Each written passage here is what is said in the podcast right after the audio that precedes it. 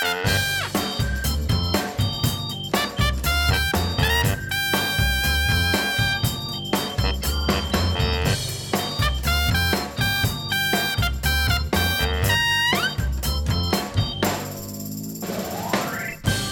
daar zijn we dan weer, Jeffrey. De CIP-podcast kan weer beginnen. Ja, een dag na 11 september zitten wij weer klaar. Ja, een dag na 11 september is toch een memorabele dag altijd. Ja, Ik heb er voor de rest weinig van meegekregen. Jij? Eh, ik eerlijk gezegd ook, maar ik denk ook dat het niet echt een eh, jubileumgetal was, zou ik maar zeggen. Het is niet tien jaar later of zo. Nee, ja, zeker. hey, maar eh, even geen 11 september. Het is 12 september. Ja. Ehm, we nemen weer de podcast op en we gaan weer het christelijk nieuws van deze week doornemen. We hebben twee items geselecteerd. Waar gaan we het Ja. over hebben? Ja, nou we gaan het zo meteen hebben over Dominic Klaassen, want hij heeft in het Reformatorisch Dagblad een blog geschreven over, over wel of geen hoedjes dragen in de kerk als vrouw. Op basis van 1 Korinthe 11. Ja, Dat is natuurlijk een hele eh, interessante discussie sowieso. we gaan het over pro-christenhoedjes hebben en anti-christenhoedjes. Precies. Ja. Of eigenlijk pro-hoedjes christenen en anti-hoedjes christenen. ja, dat is een mooi frame inderdaad. Maar goed, leuk man. En maar we gaan het eerst hebben over eh, een, onder andere een tweet is van ehm Andries Knevel. Ja, want hij heeft getweet over een zaak waar we niet omheen konden afgelopen weekend. Over Howick en Lily. Twee kinderen die eh, eh, zaterdag zouden worden uitgezet naar Armenië. Na een jarenlange asielprocedure. En eh, heeft ook tien jaar geduurd, toch? ja, tien jaar lang. Ze hebben volgens mij iets van zeven of acht keer geprocedeerd. En alle procedures zijn afgewezen door, ja, door rechters. Maar desondanks is die moeder alsmaar doorgegaan en doorgegaan. En die moeder is dus zelf eh, vorig jaar alleen uitgezet. Omdat zij de kinderen heeft laten onderduiken bij een onbekend, eh, bij een onbekend adres. Ja. Dus zij is zelf alleen naar Armenië gegaan. En die kinderen zaten ondertussen hier. Maar ja, die moesten ook op een gegeven moment terug. Want zo zijn de regels in Ja. Nederland. En, eh, maar goed, En heel Nederland vond uiteindelijk natuurlijk dat ze moesten blijven. Tenminste, eh, ik was in de krant dat eerst, aan het begin van deze hele affaire, was het zo dat 50% van de Nederlanders vond dat ze mochten blijven of dat Hm. ze eigenlijk weg moesten gaan. Ja. En op het einde, hè, tegen zaterdag, een paar dagen geleden, toen was het opeens natuurlijk dat bijna iedereen vond dat ze moesten blijven. ja, ja. Hoe is dat dan gekomen? Hoe kan het überhaupt, voordat we over Anders Knevel Ja. praten, dat eerst de helft van Nederlanders vindt, hey, jullie moeten gewoon het land uit. En dan even later, ja, een paar maanden later of nog veel langer, vindt opeens iedereen dat ze moeten blijven. Nou, dat is ook heel simpel. Het gaat hier over kinderen. En als kinderen eh, zich in een kwetsbare positie vinden, dan gaan 9 op de 10 mensen gaan dan echt voor die kinderen in de bres springen. En er komt ook nog eens bij, ze hebben natuurlijk uitgebreid media-aandacht gekregen bij het NOS-journaal en zo, en Jeugdjournaal. Ja, En dan zie je die kinderen praten en natuurlijk ook één kant belichten van de zaken, dan eh, kom je voor die kinderen op. ja wat bedoel je met één kant? Eh, nou, het is dus zo dat eh, het verhaal veel genuanceerder ligt dan wel eens wordt geschetst in de media. Eh, want RTL Nieuws heeft bijvoorbeeld vorig jaar een, artikel geschreven over hun zaak. En daarin stond dat die, die moeder, die heet Armina, die heeft gelogen tijdens verschillende procedures over de namen van, hun kinderen, van haar kinderen bijvoorbeeld, over haar eigen naam. Maar ook over het feit dat ze geen thuisland zouden hebben, terwijl Armenië toch echt hun thuisland is. Ja, En er zijn ook heel veel twijfelachtige dingen gewoon eh, gebeurd. Ze, zoals ze heeft gewezen op de medische gezondheid van haar kinderen. Terwijl volgens mij is daar niks. eh, is, is niet bewezen dat zij medisch niet in orde zijn of zo. En die procedure over die medische gezondheid is ook afgewezen. ja, Dus er zijn heel veel zaken waarvan je kunt denken van ja. eh, het is natuurlijk heel. Ik begrijp wel dat je in Nederland wil blijven met, met je kinderen. Maar als je zelf halve waarheden en hele leugens tegenover ja, de rechter verkondigt. dan is het ook niet zo gek dat. eh, ja, dat Andries Knevel een tweetje in de, in de, in de wereld slingert. ja, want daar gaat het nu over. De tweet van Andries Knevel. Ja, Die kreeg ook heel wat over, over zich heen, want wat had hij getwitterd? eh, ja, dat is een goeie. Heb jij die tweet voor je? Ja, ik heb hem hier. Eh heb me verbaasd over heftigheid in CU-kring. De kinderen blijven, dat is mooi. Maar wel via liegen, bedriegen en chantage van moeder. Ja. Gisteren wonnen de genade en de leugen. Wrang voor mensen die wel het recht volgden en nu weg zijn.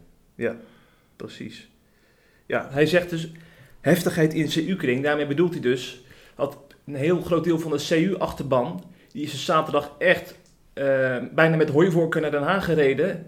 om daar eh, de, het kabinet eventjes eh, uit de stoel te trekken. Ja, Want gingen er fel, gingen er fel, gingen er fel aan toe op Twitter, hoor, moet ik zeggen. ja, want, want iedere christen die natuurlijk een beetje humaan wil zijn, die vindt natuurlijk dat die kinderen moeten blijven. En die kon het natuurlijk niet begrijpen Ja. dat een kabinet met nota bene de CU erin ehm, heeft toegestaan dat ze eigenlijk eerst weg mochten. Want Ja. laat even duidelijk zijn, de rechter heeft keer op keer gewoon gezegd, ze moeten weg, ze moeten weg, ze moeten weg. Ja. En ook vorige week nog heeft de rechter dat gezegd. En Vrijdagavond. opeens, opeens wordt er uit het niks, wordt er toch eh, van de bevoegdheid van de minister gebruik gemaakt, die dan een soort van uitzondering kan maken, om ze dan toch op het aller, aller, aller, allerlaatste moment, wat ook heel raar is vind ik, ze dan opeens toch in Nederland te laten. Ja, ja. ja, maar goed, heel raar vind ik het dan ook weer niet. Want op een gegeven moment is de druk zo hoog opgelopen. En als dan mensen eh, zelfs gaan tegen een politieoproep in verweer gaan, dan is natuurlijk ook de veiligheid in het geding van, van je rechtsstaat. Hè? Want de politie had een oproep gedaan van als jullie die kinderen Ja, tegenkomen. want die maakten zich zorgen. Ja, ja. Eh, meld je bij, bij de politie en we, gaan- we komen zo nog even bij Peter uit de Vries, want die had daar dan ook weer wat Ja. over getwitterd. Maar even over Anders Knevel, die zei dus eigenlijk van hé, hey, ik eh, snap die heftigheid eigenlijk niet bij de CI. Deel je die mening? Eh, ja, ik, ik, eh, ik deel die mening inderdaad. Ja. Want eh, ik, ik, volgens mij staat de ChristenUnie ook voor pal voor de rechtsstaat. Dus dat wil zeggen dat je alles, alles wat de rechter beslist, of het nou voor of tegen jouw eigen opinie is, dat je dat respecteert. Ja, Want anders, anders leven we in een land waar, waar de burger de baas is. En volgens mij hebben we dat niet zo verzonnen met Ja, elkaar. gewoon in het land rechters, die bepalen uiteindelijk namens ons allemaal wat er moet gebeuren. Zeker, ja. En, en ze zeggen allemaal met verkiezingen, zeggen, zeggen ze ja, we moeten die hoog achten en we moeten er niet voor zorgen dat populistische partijen aan de macht komen, want dan gaat de rechtsstaat eraan. Dus dan is het ook belangrijk dat we ons daaraan houden natuurlijk, hè. Ja, en maar later nuanceerde die die tweet. Hij zei eigenlijk van nou, ik krijg nog wel wat ophef, maar Ja. ja, hij staat nog wel achter de inhoud ervan. Ja, zeker. Ja, hij heeft natuurlijk, eh, woorden als chantage en liegen zijn natuurlijk best wel grote woorden. Mhm. Dus ik denk dat hij daar een beetje spijt van had, maar dat de kern gewoon blijft staan natuurlijk. Dat die moeder een kwalijke rol heeft gespeeld. Dat zat als een paal boven water. Ja, nee, tuurlijk. Ja, het is altijd... Kijk, als kinderen in het spel zijn, dan denk ik altijd... Ja, dat is altijd een soort van gevaarlijk. Want ehm, daar reageren we allemaal gewoon heel emotioneel op. Ja. Terwijl we natuurlijk gewoon rationeel moeten zijn. Ehm, en denken, ja, kijk, we hebben hier in Nederland gewoon afspraken over immigranten. Als die hier komen, zijn ze van harte welkom. Maar dan moeten ze natuurlijk wel een goede reden hebben om hier te zijn. En om B, daar te blijven hier in Mhm. Nederland. Mhm. En ik denk dat, dat daar die discussie over gaat. Van ja, weet je, als de regels gewoon zijn dat je uiteindelijk eh, naar je eigen land terug kan, dan moet dat gewoon worden opgevolgd. Alleen het hele verhaal was natuurlijk bij Hovik en Lili, je zegt Hovik toch? Hoop ik, ja. Hovik, dat het verhaal natuurlijk was dat de, instantie die hem begeleidde is naar Armenië gevlogen en heeft geconstateerd, ja, er is daar geen school voor hun. Ze kennen de taal ook niet. Ja, en dat maakt het natuurlijk wel een soort van lastig om die kinderen dan, ondanks de regels, terug te sturen. Ja, daarom is er in Nederland ook een kinderpardon. Dat, dat stelt dat er, als kinderen vijf jaar in Nederland zijn of langer, dat ze dan recht hebben om te blijven. Maar door, omdat daar heel veel verschil van mening over is allerlei kabinetten, wordt dat op een of andere manier niet echt uitgevoerd of eh, wordt dat elke keer omheen gedraaid of zo. Ja, Dus het, het, het, het systeem is ook gewoon de schuldige hieraan. Als je gewoon een goede regeling voor die kinderen bedenkt, dan dit soort kwesties kunnen dan niet eh ellenlang doorgaan. Ja, maar het hele ding is natuurlijk dat iedereen die hier wil blijven en Ja. die eigenlijk terug moet, ja, die gaat natuurlijk procederen, procederen. Ja, dan heb je gewoon recht op hoger beroep. Ja, omdat het kan. Dan heb je na een jaar weer recht op hoger beroep. En na die procedure heb je nog een keer recht op een second opinion. Ja. Of er moet gewacht worden op een groot onderzoek. Ja, en voor je het weet ben je dus kennelijk 10, 11 jaar lang bezig om Precies. erachter te komen, mag ik hier nou wel of niet blijven. Ja. Ja, en dat is natuurlijk niet echt handig. Nee, nee. Eigenlijk zou je moeten zeggen als overheid, zo'n hele procedure mag maximaal, of er nou rechtszaken zijn of niet, mag maximaal zoveel jaar duren. Dat is denk ik wel belangrijk. Ja, inderdaad. En ik denk ook dat het wel belangrijk is dat christenen ook kritisch blijven op het immigratiebeleid. Kijk, wat ik veel zie is dat heel veel linkse christenen, ehm, mensen die ChristenUnie stemmen, we hebben ook heel veel lezers die dat doen, die ja, zijn echt mensen die de immigranten echt van harte welkom willen heten en vluchtelingen en dat Ja. soort dingen. En we zijn heel humaan. Als het gaat om Syriërs en dat soort dingen. Maar tot een zekere hoogte denk ik dan. Want kijk even naar de Polen die nu allemaal eh, hier in Nederland zijn. Kijk, je, vaak heb je niks tegen immigranten. dat ze hier zijn. En dat vind ik alleen maar heel leuk. Dan ga je ze knuffelen en in de kerk uitnodigen. Dat is helemaal leuk. Totdat die mensen opeens de baan innemen van Ja. je man, die vrachtwagenchauffeur is. Precies. Of als je erachter komt dat die mensen na tien jaar nog geen Nederlands spreken. Of dat, nou, je kunt tal van redenen opnoemen. Ik denk dat, dat christenen daar ook eerlijk over moeten zijn. Want ja, ik leef bijvoorbeeld zelf veel in Bergen op Zoom. En dan denk ik, ja, we moeten toch leren van de gastarbeiders die we in de jaren 80, 90 hier hebben gehaald. De Turken en Marokkanen. Ja, met alle respect naar die mensen toe, want het zijn echt schatten van mensen. Maar als ik in Bergen op Zoom rondloop, er wonen heel veel moslims, heel veel Marokkanen en Turken.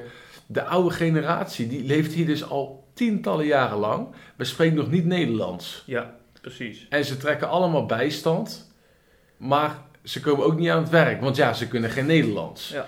Dus ja, ik denk wel dat je gewoon een soort van toch eerlijk moet zijn. En moet denken, oké, alles leuk en aardig, maar wie mag hier nou echt blijven? Ja. Laten we daar wel echt goede regels over hebben. Want de overheid is natuurlijk ook terecht bang dat er een soort precedentwerking van uitgaat. Namelijk dat ja, als iedereen niet meer zomaar kan blijven omdat je de kinderen meeneemt, om het maar even heel gechargeerd te zeggen. Voor je karretje te spannen. Ja, en voor je karretje te spannen, in te zetten als een middel om hier te mogen blijven, ja, dan is het natuurlijk het einde zoeken. Hè? Want Mhm. als één moeder dat, dat gaat doen, Ja. dan gaat de andere moeder dat ook doen. Ja. En in dit geval is er natuurlijk gelogen tegen de rechter. En ik vind ook dat je ook een beetje wel eerlijk mag zijn naar die moeder en denken, die had ook misschien de verantwoordelijkheid wat beter moeten nemen. En ervan uitgaan dat die kinderen misschien gewoon terug moeten. Want als jij in een procedure start om in het land te blijven, weet je dat je die procedure kunt verliezen. Ja. Dus dan kun je ook je kinderen voorbereiden op het feit dat je misschien over een jaar, of over twee jaar, of over drie jaar, dat ze, dat ze dan terug moeten. Ja. En dan kun je ze de taal leren van waar, waar je vandaan komt. Dan kun je ervoor zorgen dat er wat voorbereid wordt. Dus ja, er is natuurlijk ook een verantwoordelijkheid bij die moeder. Waarvan je ook kunt afdingen van ja, oké, tuurlijk, kennelijk in Armenië konden ze niet terecht. Mhm. Maar is dat nou helemaal de schuld van de overheid? Of is dat ook misschien de schuld van de moeder die daar gewoon kennelijk geen rekening mee heeft gehouden? Ja. Ja. Nee, Maar goed, zo. ik weet uit ervaring, ik ken ook een eh, hele lieve eh, immigrant, Mohammed, dat het uiteindelijk wel gewoon eh armoedtroef is, het, eh, ja, hoe het hier gaat met eh, asielprocedures. Want Mohammed ben ik eens een keer in de, in de supermarkt tegengekomen. Toen ik groenteman was, vertelde ik hem altijd over Jezus en werden we een beetje bevriend. Ik heb hem later ook geholpen.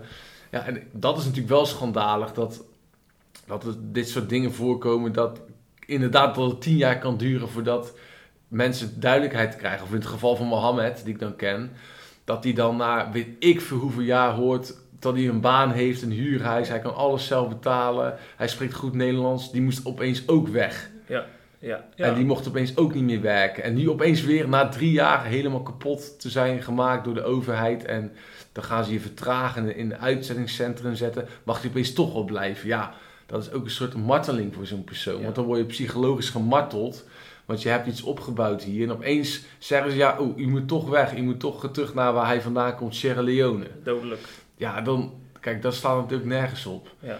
Maar goed, aan de andere kant, zonder enige, voor, zonder enig voorbehoud eh, immigranten knuffelen en allemaal doen. Ja, kom allemaal mee hier, kom allemaal mee hier. Dat kan gewoon niet. Nee, nee. Zeker als er sprake is van een veilig land. Hè. Kijk, we hebben, het is natuurlijk heel logisch dat Syriërs hier alle ruimte krijgen om, eh, om eh, te wonen en te, en, te, en te werken en leven op te bouwen. Want het is daar gewoon echt keiharde oorlog. Ja, Maar als je uit een eh, land komt waar, waar, waar je gewoon een leven op kan bouwen, zoals Armenië, maar ook zijn heel veel andere landen. Hè. Ze komen ook, ze komen ook uit Algerije en Ghana en dat soort landen. Hmm. Dan kun je ook gewoon leven. ja nee, tuurlijk. Ja, en ik, ik vind zelf een goed voorbeeld de VS. Kijk, de VS is een eh, land van immigranten. Ik bedoel, feitelijk is een beetje iedereen is daar naartoe gegaan. Ook helaas omdat ze iedereen dood hebben gemaakt die daar van origine woonde. Maar goed, het is een land van immigranten. En daar is gewoon heel duidelijk, je mag daar het land gewoon niet in. Ook zelfs als Europeaan, ik heb het nu even vooral over Europeanen. Daar weet ik wat van. Als je daar gewoon niet een baan hebt, of als je daar niet een vrouw hebt. Dus daar zijn ze wel heel duidelijk van, oké, je mag hier wel komen, maar je, je kunt daar ook, als, zelfs niet als rijke westerling, kun je daar ook niet zomaar eventjes Nee. heen gaan. Dan moet je echt aantonen dat je een baan hebt. En die banen gaan ook eerst, en dat vind ik terecht, de banen die er zijn, moeten eerst naar echte Amerikanen gaan, voordat, laten we zeggen, mensen uit Europa mogen worden aangenomen. En ja, dat is natuurlijk protectionistisch, maar het is wel goed, toch? Want ik denk niet, ja, wat ik zeg, niemand heeft iets tegen immigranten, totdat opeens die mensen allemaal onze banen inpikken en de Polen die de taal niet spreken en die je eigenlijk ook weinig hebben met de cultuur vaak. En die hier ook per se eigenlijk niet zozeer komen vanwege het mooie land, maar omdat ze dan hier meer geld verdienen, dat ze dan kunnen sturen naar, naar Polen. Ja, als je daarmee te maken hebt, dan, dan piep je wel anders, denk ik. Ja, ja. En dat valt me dus op dat vaak de linkse grachtengordel mensen, die hebben daar totaal niet mee te maken in de praktijk. Die wonen ook niet in de wijken waar dat dan niet fijn geïntegreerd is. En die hebben dus ook totaal geen kritiek op het immigratiebeleid. Behalve dat ze zeggen, ja, we moeten iedereen maar hier binnenlaten en binnenlaten. Ja. En, ehm, en ik vind trouwens ook, dat er moet wel even gezegd worden, wel een beetje hypocriet van het kabinet, dat ze dan op het allerlaatste moment Hoek en Lili hier laten. Ik gun het natuurlijk Hoek en Lili helemaal. Ik vind dat ze hier moeten blijven. Maar die hele manier waarop dat dan gegaan is, van wekenlange mediadruk, en dan op het allerlaatste moment zeggen: nee, je mag toch blijven. En dan als politici doen alsof je de grote, de, de, grote held van het verhaal bent. Weet je wel? Van wij hebben ze toch nu ervoor gezorgd dat ze toch kunnen blijven. Kijken of ze nou eens goed bezig zijn als kabinet. Want wij hebben ze nu toch hier een toekomst gegeven door ze hier te, uh, ja, toe te laten. Dan vind ik het toch een beetje hypocriet. Ja. Want dan denk ik, ja, puur onder mediadruk. Want Bert Wagendorp, Volkskrant uh, columnist, die schrijft ook heel terecht van ja, weet je. Um, ik zeg het even geparafraseerd, uh -huh. dat de enige ware reden voor de koerswijziging was dat het uh, een dreigende politieke rampspoed voor het kabinet uh, zou betekenen. Uh -huh. En dan zou je dus kunnen zeggen dat er wellicht meer in het partijbelang is gehandeld om Hoek en Lidie hier te laten in het belang van de kinderen. Ja, ja, het is natuurlijk ook ergens een egoïstische keuze van het kabinet. Het heeft weinig met die kinderen zelf te maken, denk ik. Ja. Ik denk in eerste plaats dat ze het toch vooral hebben gedaan om hun eigen hachie te redden. En pas in de tweede plaats dat ze het hebben gedaan vanwege Hoek en Lili. En dat is natuurlijk goed, dat tweede. Maar het eerste kun je toch wel bekritiseren, vind ik. Ja, ja. Nou, je moet je dus voorstellen dat zo Johan Voordewind in je nek hijgt. Die is natuurlijk enorm uh, voor dat uh, verruiming van het kinderpardon. Ja, en terecht. Want Johan Voordewind moet wel even hier genoemd worden. Want die heeft zich achter de schermen als CU-Kamerlid enorm ingespannen om hen toe te laten. Ja. En ik denk, diep in zijn hart vond hij al vanaf het begin dat ze gewoon moesten blijven. Tuurlijk. Want maar, de CU is in het algemeen heel erg Ja. voor het kinderpardon. ja, dat vind ik ook jammer dat mensen dan dat soort mensen als eh Johan Voordewind gaan afkraken op Twitter. Want hij is op de achtergrond heel erg keihard aan het werken om die kinderen hier te houden. Maar dat worden ze, op Twitter worden ze de CU-achterban geframed als mensen die eh, met het kabinet mee hobbelen en zo. En geen hart hebben. Ja, maar goed, in het kabinet zit je met meerdere partijen, dus moet je eh, handelen vanuit consensus. Dus ja, dat is logisch natuurlijk. Ja, maar dat wordt dus niet begrepen. Nee, ja, dat is jammer. Maar joh, voor de wind, als je luistert, hartstikke bedankt. Ik vind het echt, wat die man altijd doet, ik heb hem al eens een paar keer gesproken, ik vind dat echt eh petje af, serieus. Ja, Maar het neemt niet weg dat ik toch vind dat het kabinet een beetje raar gehandeld heeft. Want, en dat schrijft Bert Wagendorp dan ook in de Volkskrant. Het is natuurlijk ook gewoon zo, laten we eerlijk zijn. Kijk, Hoek en Lili zijn nu gered. Maar er zijn nog, weet ik, voor 400 kinderen. Ja. Afhankelijk van wie je spreekt, zijn het er in ieder geval honderden. Die dus niet die media-aandacht krijgen. En die wel gewoon worden uitgezet. precies. Dus wacht op de volgende, zeg Ja, ik bedoel, laatst in Culemborg nog had je helemaal eh, ophef over mensen van Russisch kom af. Ook kinderen van 14, 10 en 5. Ja, die zijn gewoon teruggestuurd. Maar daar heeft natuurlijk, daar heb je niemand over gehoord. Nee, nee. Ja, die zijn gewoon, eh, de- die, moet, die moesten gewoon terug. Dus ja, ik ben het dan ook met eh Wagendorp eens die dan zegt... Ja, zaterdag was een topdag voor Hobik en Lidie... maar ook een dag waarop het gore gezicht van politieke willekeur... opportunisme en hypocrisie doorging voor humaniteit. Ja, precies. Met het, eh, het toppunt was wel Pechtold hoor.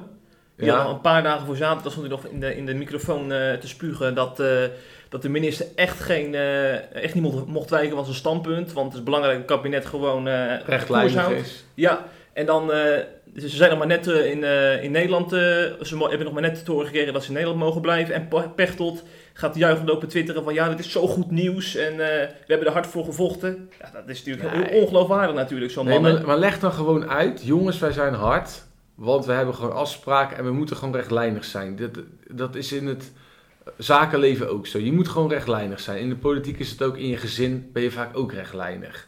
Leg dat gewoon uit en zeg dan, maar dit verdient een uitzondering. En leg dan die uitzondering goed uit, dat we dat dus niet voor iedereen kunnen gaan doen. Maar dat we dat echt in dit soort gevallen, dat we inderdaad wel even boven het beleid moeten uitstijgen. Leg het dan ook zo uit. We gaan niet, laten we zeggen, momentje 1a zeggen, momentje b. We zeggen dan momentje a en b in één zin. Ja. Leg het dan in één keer goed uit. Ja. Want ik verdenk ook het kabinet ervan dat ze dan in de achterkamers bedenken: ja, we gaan gewoon zo lang mogelijk voet aan stuk houden, voet, bij stuk houden, want het staat in het. eh regeerakkoord zo. En dan op het laatste moment, dan, dan redden we ze en dan zijn wij de held. En dan maak je ook een beetje misbruik van de situatie. Want dan exploiteer je, als ze dat zouden hebben gedaan, maar ik verdenk ze er dus van. Dan exploiteer je die Hoek en Lily als een middel om te, jezelf uiteindelijk ehm, op je borst te laten kloppen. Mhm. Door het volk. Ja. En als laatste Peter de Vries. Daar had jij wel een fitty mee, hè? ja, nou, ik zat een beetje op te winden zaterdagmiddag, ja. Want wat had hij getwitterd? Nou ja, op een gegeven moment zei de politie van jullie moeten eh, opletten op uh, Hoek en Lily, want eh, ze, ze weten niet, we weten niet waar ze zijn. Dus men, kort, kortom, geef ze aan. En Peter R. de Vries die beschuldigde dan mensen die hen zouden aangeven van NSB-gedrag. Wees geen verrader of zo, zoiets twitterde Oh ja. Denk van, als je dat soort termen nou gebruikt, volgens mij moet je dan eerst even een geschiedenislesje volgen bij, uh, bij de dichtstbijzijnde school in je buurt. Ja, want ze worden niet naar Auschwitz gestuurd, Nee. ze worden gewoon naar Armenië gestuurd. Zeker, Het ja, begint weliswaar met een A, maar Armenië is toch iets anders dan Auschwitz. klopt, dat lijkt mij ook wel, ja. Ja. ja. En ten tweede vind ik het ook levensgevaarlijk, want er zijn mensen die dat echt letterlijk opvatten. Die denken van, oh, het kabinet die wil die, uh, die kinderen op een of andere manier kwaad doen of zo. En die, die, die, sommige mensen kunnen dan niet echt doordenken van uh, uh, dat Peter de Vries hier een frame uh, wegzet. En die gaan dus bijvoorbeeld doodsbedreigingen sturen naar staatssecretaris Harbers. Die Ja. die ook echt heeft gehad. Ja, want er wordt nu ook al gezegd dat eigenlijk die tweet van Peter R. de Vries dat ook wel heeft veroorzaakt. Ja, want die heeft zo groot bereik. Kijk, ik, ik heb bijna 700 volgers, maar Peter R. de Vries, die, die lacht om die 700 volgers natuurlijk. Ja, die heeft over honderdduizenden. En die wordt ook vervolgens overal geciteerd natuurlijk. ja, ja, ja. Ja, ja, ik vind het wel van hem... Kijk, hij heeft natuurlijk gewoon dat gedaan, denk ik. Omdat hij dacht, zo kan ik invloed uitoefenen. En dat is hem wel gelukt. Ja, nou ja. Want volgens mij zijn toen de bellen ook gaan rinkelen bij het kabinet in Den Haag. Ging de telefoon. En, Ja. Want je weet wel, als Peter R. de Vries iets zegt, dan neemt iedereen het wel serieus. Want het is af en toe gewoon een beetje een arrogant mannetje. Maar het is ook aan de andere kant natuurlijk een gigantische held die op handen wordt gedragen door het volk.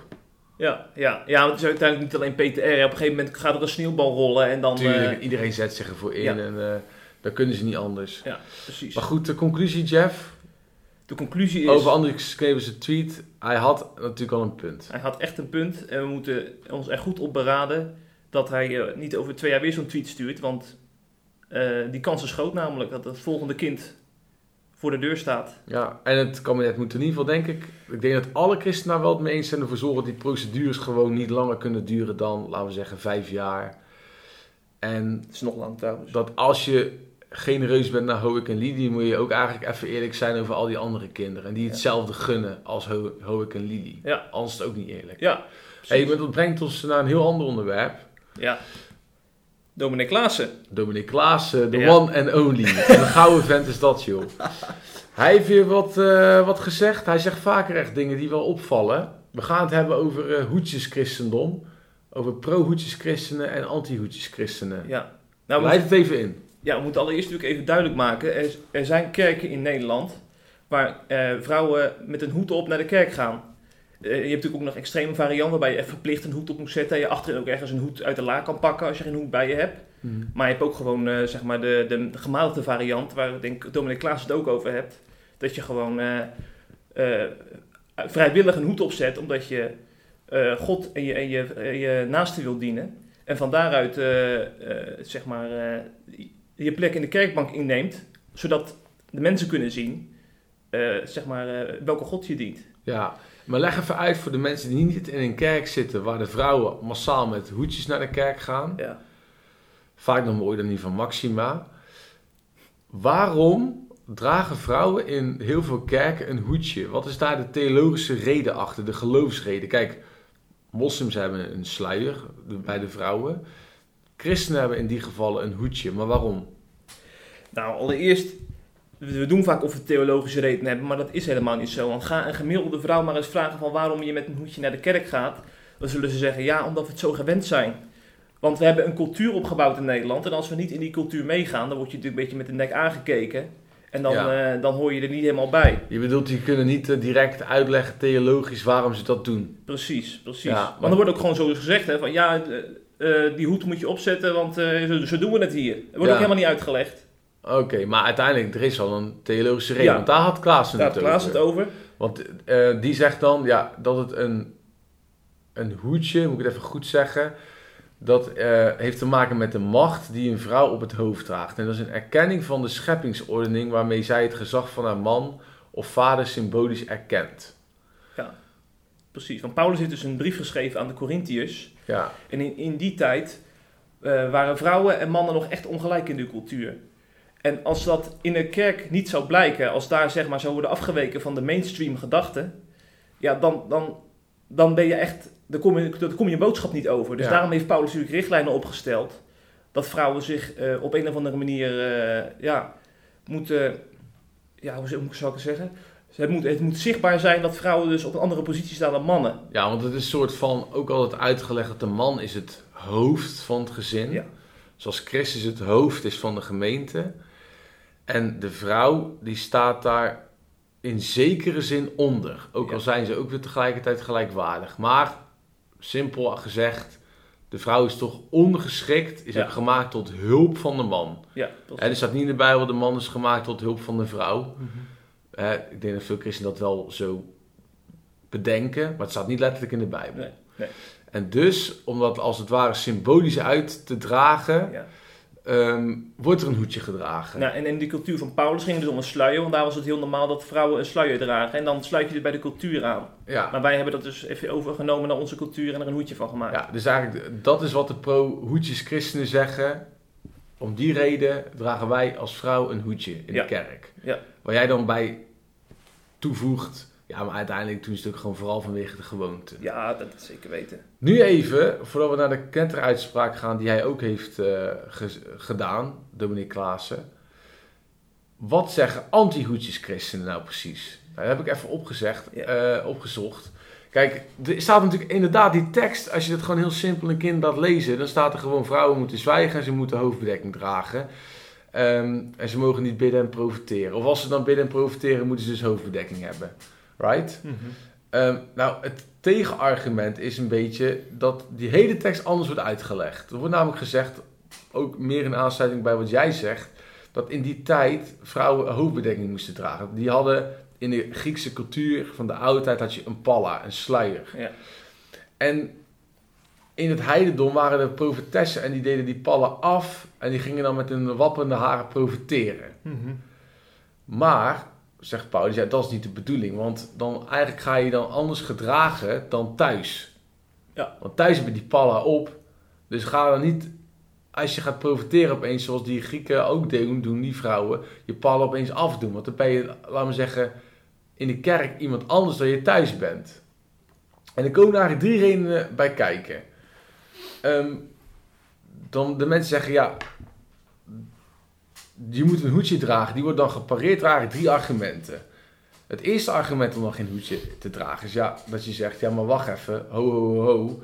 Je kunt wel zeggen, ik doe wat er staat, hè, ik doe een hoedje op. Maar ja, dat kan niet als eerste, want er staat niet, je moet een hoedje opdoen. Het letterlijke woord dat daar gebruikt wordt in het Grieks, en we zijn toch allemaal van de Bijbel letterlijk nemen en de grondtekst van het woord eh, bestuderen.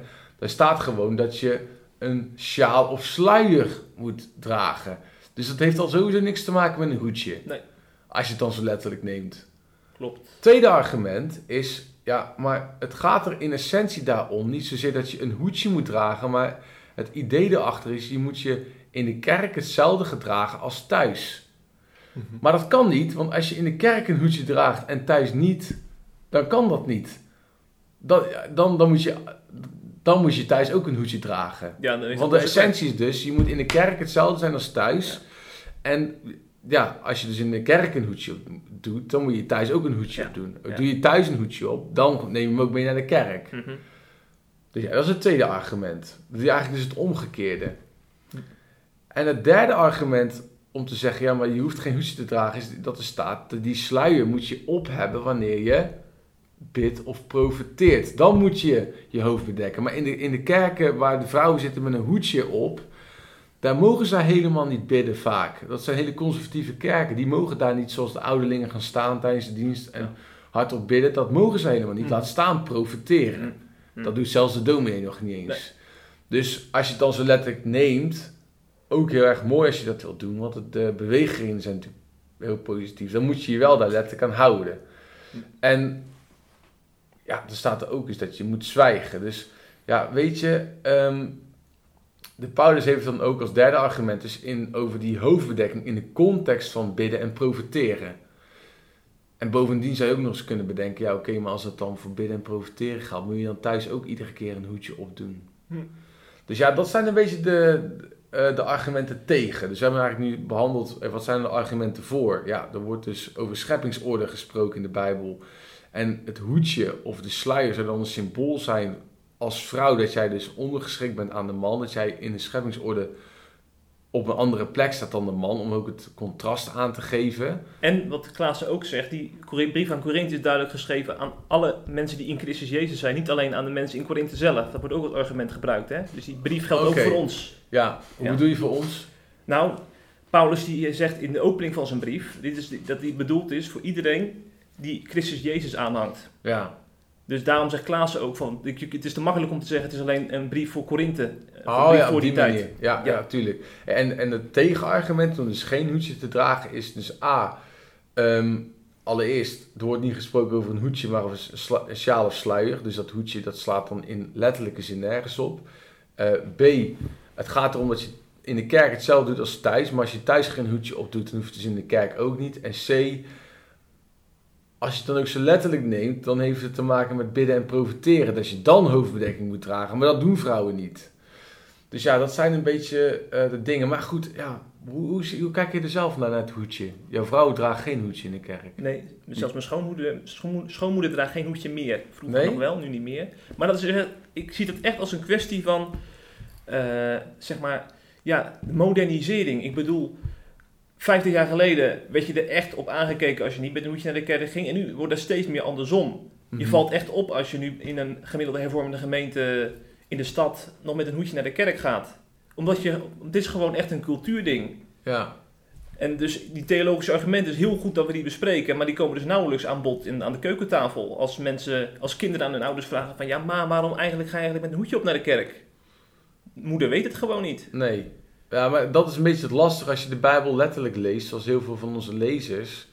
Ja, en het staat er gewoon letterlijk. Dan doe je vaak ook letterlijk Ja. wat er staat. En dan na een tijd heeft het ook, doe je het niet meer omdat letterlijk wat er staat. Want dan ben je vooral bezig, ja, iedereen doet het gewoon. Ja, zeker. Dus laten wij het ook maar doen. Zo gaat dat. Ja, ik heb het, maar wat nou zo frappant is, daar moeten we even extra op inzoomen. Dat is dat dominee Klaas dan heeft over de bordjes in de kerken. Oh ja, ja. Want daar zegt hij iets bijzonders over. In sommige kerken zijn er dan bordjes waarin staat dat vrouwen worden gevraagd of ze een hoedje willen dragen. Maar hij zegt eigenlijk, ja, dat gaat mij niet ver genoeg. Nou, dat heb ik dus verkeerd geïnterpreteerd, Oké, want ik heb dat later nog aangepast. Eh, hij bedoelde te zeggen van eh, eh, dat er inderdaad bordjes zijn waarbij eh, wordt gewezen op een, eh, op een hoedje, maar dat vindt hij eigenlijk te- eh, niet gasvrij. Maar ik, Oh, had het zo, ik had het geïnterpreteerd dat hij juist vond dat het eh, niet ver genoeg ging. ja, want dat komt mij een beetje een soort hoedjespolitie. Ja. je ook de sharia-politie Ja, nee, hebt. maar dat is dus niet zijn uitspraak. Nee, oké. Nee. Nou ja, ik heb wel altijd. ehm, ja, ik, heb, ik, ik ben dus niet reformatorisch opgegroeid. Ik ben ook niet christelijk opgegroeid in de evangelische zin van het woord. Of reformatorische zin van het woord. Ik heb het toch altijd wel interessant gevonden dat. Ja, dat je dat in de kerk komt, iedereen heeft een hoedje op. Maar ik had dan vriendinnen in zo'n reformatorische kerk. En die, als ze dus dan geen hoedje op hadden, jongen, dan kregen ze echt mailtjes van andere mensen die ook in de kerk zaten. Die ze dan aanspraken op het feit dat ze dus geen hoedje op hadden. Mhm. En er werd echt enorm moeilijk over gedaan. En dan dacht ik echt van, ja, maar wacht even, die, die meiden waren net zoals ik toen 17, 18. Ja. Denk ik, ga je die nou echt in de kerk houden? Of warm maken voor het geloof van de Heer Jezus Christus? Door ze erop te wijzen dat ze een hoedje op moeten per se. Ja. Terwijl hun zoiets hadden, ja, weet je, ik hoef niet per se een hoedje op. Ja, waarschijnlijk heb je niet over een kerk waarin eh, zeg maar, de cultuur belangrijker is dan het geloof zelf. Dus dan ga je dit soort uitwassen krijgen. Hè? Ja, en ook om, omdat, volgens mij, ja, dan denk ik, ja, leggen ze dan uit wat de theologische reden erachter is. Maar Ja. ik denk, ja, Ja. je moet niet mensen gaan verplichten of zo om een hoedje te dragen. Nee. Ook omdat alles te maken heeft met ehm, je lichaam. Mhm. Want kleding is onderdeel van je lichaam. Ja. En als je zegt je moet je op een bepaalde manier kleden, ga je eigenlijk ook beschikken Ja. over iemands lichaam. Ga je eigenlijk zeggen, jij hebt een lichaam. En dan moet jij van mij, moet jij met jouw lichaam, moet jij van de kerk, van de predikant en de ouderlingen, en van God natuurlijk, moet je sowieso mee omgaan. Namelijk, je moet per se een hoedje op en natuurlijk in die kerken ook een rok tot over de knieën. Ja. En denk ik van ja, dat, dat klinkt mij toch een beetje als vrouwenonderdrukking. Ja. Ja. ja. Voor mij klinkt het als vrouwenonderdrukking. Hm. Hm. Alleen dat is natuurlijk absoluut niet zo bedoeld. Maar het klinkt voor mij wel zo. Ja. Zeg ik dat te hard? Eh, nou, ik weet, ik, ik snap je punt wel, maar eh, in dit verband is het wel belangrijk om aan te tekenen dat, eh, dat, dat, dat christenen door de verlichting zijn gegaan. Dus eh, denk ik nooit zomaar misbruik zullen maken van, van, van dat soort regels. En dat dat binnen de islam wel gebeurt. Ja. Als daar regels worden gehanteerd om vrouwen zeg maar, eh, een kant op te duwen, dan eh, gaat dat wel eh, tien keer zo ver. Ja. ja, en ik bedoel ook met vrouwenonderdrukking laat ik mezelf ook nuanceren. Dat je het echt gaat, soort van, gaat opleggen aan vrouwen dat ze dat moeten Ja, doen. ja, ja, dat snap ik. Dus ehm, kijk, dat het theologisch hard te maken is, dat hebben we het net over gehad, dat is heel makkelijk. Maar je, je weet ook dat je er anders theologisch over kunt denken. En dus zou je daaruit moeten concluderen van hé, hey, we gaan het mensen niet opleggen. Ja, ja. Want dan wordt het echt onderdrukking. Ja. En vrouwenonderdrukking. En dan ga je vrouwen ook minder waardig laten voelen. Doordat je gaat zeggen, jij moet van ons mannen, want het zijn ook vaak de mannen die het zeggen en niet zozeer de vrouwen. Dan gaan de patriarchale mannen in de kerk gaan eigenlijk uitmaken voor Ja. de vrouwen die dan onder hun staan, hoe zij zich moeten kleden. Ja. En dan denk ik, ja, dat is vrouwenonderdrukking. Maar wat natuurlijk geen vrouwenonderdrukking is, als je mensen zegt, hey, wij als kerkraad of als kerk, wij denken daar zo en zo over. Maar we laten je er natuurlijk helemaal vrij Ja. in Ja. hoe je dat dan zelf wil invullen. Je bent voor ons niet een minder mooie vrouw of minder geestelijke vrouw als jij met of zonder prachtig hoedje of rok komt aanzetten in de kerk. Ja. En- Want God houdt natuurlijk net zoveel van jou met hoedje als zonder hoedje. Ja. Ja, die vrijheid zie je dus in de gemiddelde hervormde gemeente, want dat, dat, daar, daar zijn ze wel echt theologisch met dit soort dingen bezig.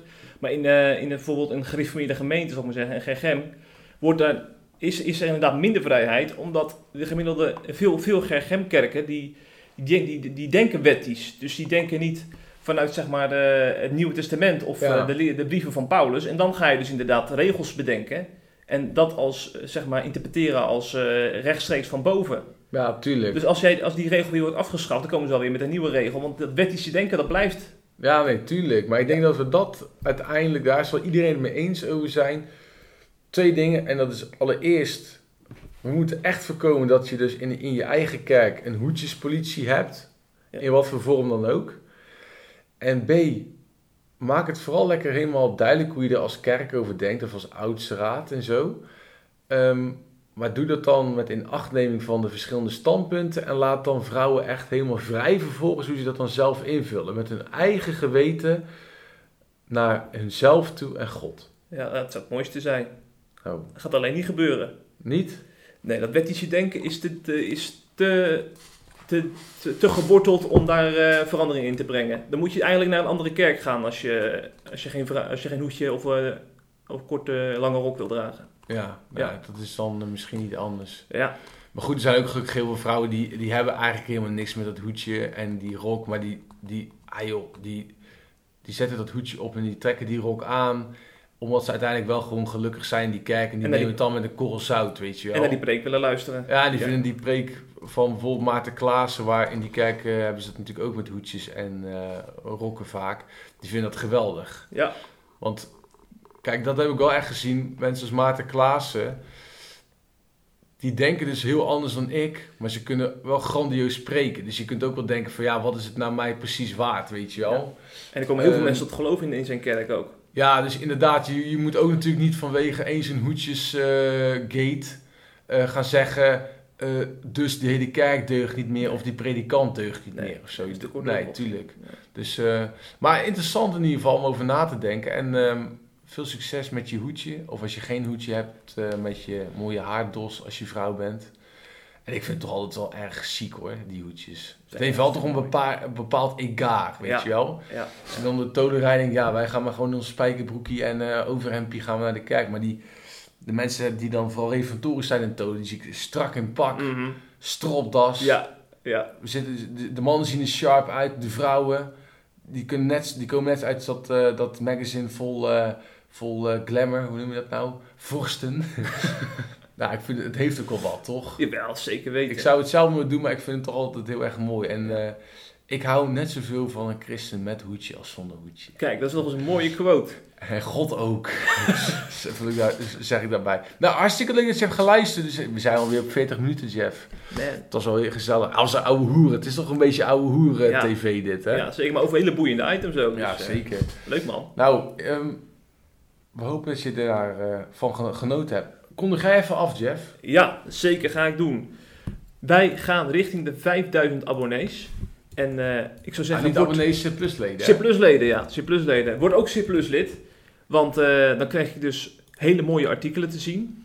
Die je op elk moment van de dag kunt openen op je smartphone of laptop. En dan steun je ook nog eens het goed doel. En dat goede doel is eh, vaak een, eh, een zendingsorganisatie of een hulpverleningsorganisatie. Maar je steunt ook ons. Want wij kunnen deze podcasten maken. Dankzij jullie Zeker. steun. Super. En eh, ook bedankt voor de mensen die eh, recent weer vijf sterren hebben gegeven. Ik zag er Ja. gisteren nog eentje. Oké. Moet ik eigenlijk even opzoeken. Wie heeft het nou eh, gestuurd? Een hele leuke reactie. We hebben weer vijf sterren gekregen van... En dan ga ik het even goed zeggen. Wie was het? Wie was het? Wie was het? Het was... Thijsa, goed algemeen christelijk nieuws van verschillende invalshoeken bekeken. Hebben niet altijd direct een harde mening klaar liggen. Maar kijken bij kwesties juist vanuit beide kampen met een kritische blik. Zo. Vijf sterren. Thijsa, hartelijk bedankt. En als jij vijf sterren gaat geven op iTunes, dan worden wij vrolijk van. Zeker. Hey, hebben nog een hele super, super, super fijne dag. Maak er iets moois van vandaag. Met de mensen om je heen, met God, je werk, collega's, wat je ook gaat doen. En eh, tot de volgende keer. De groeten. Doei!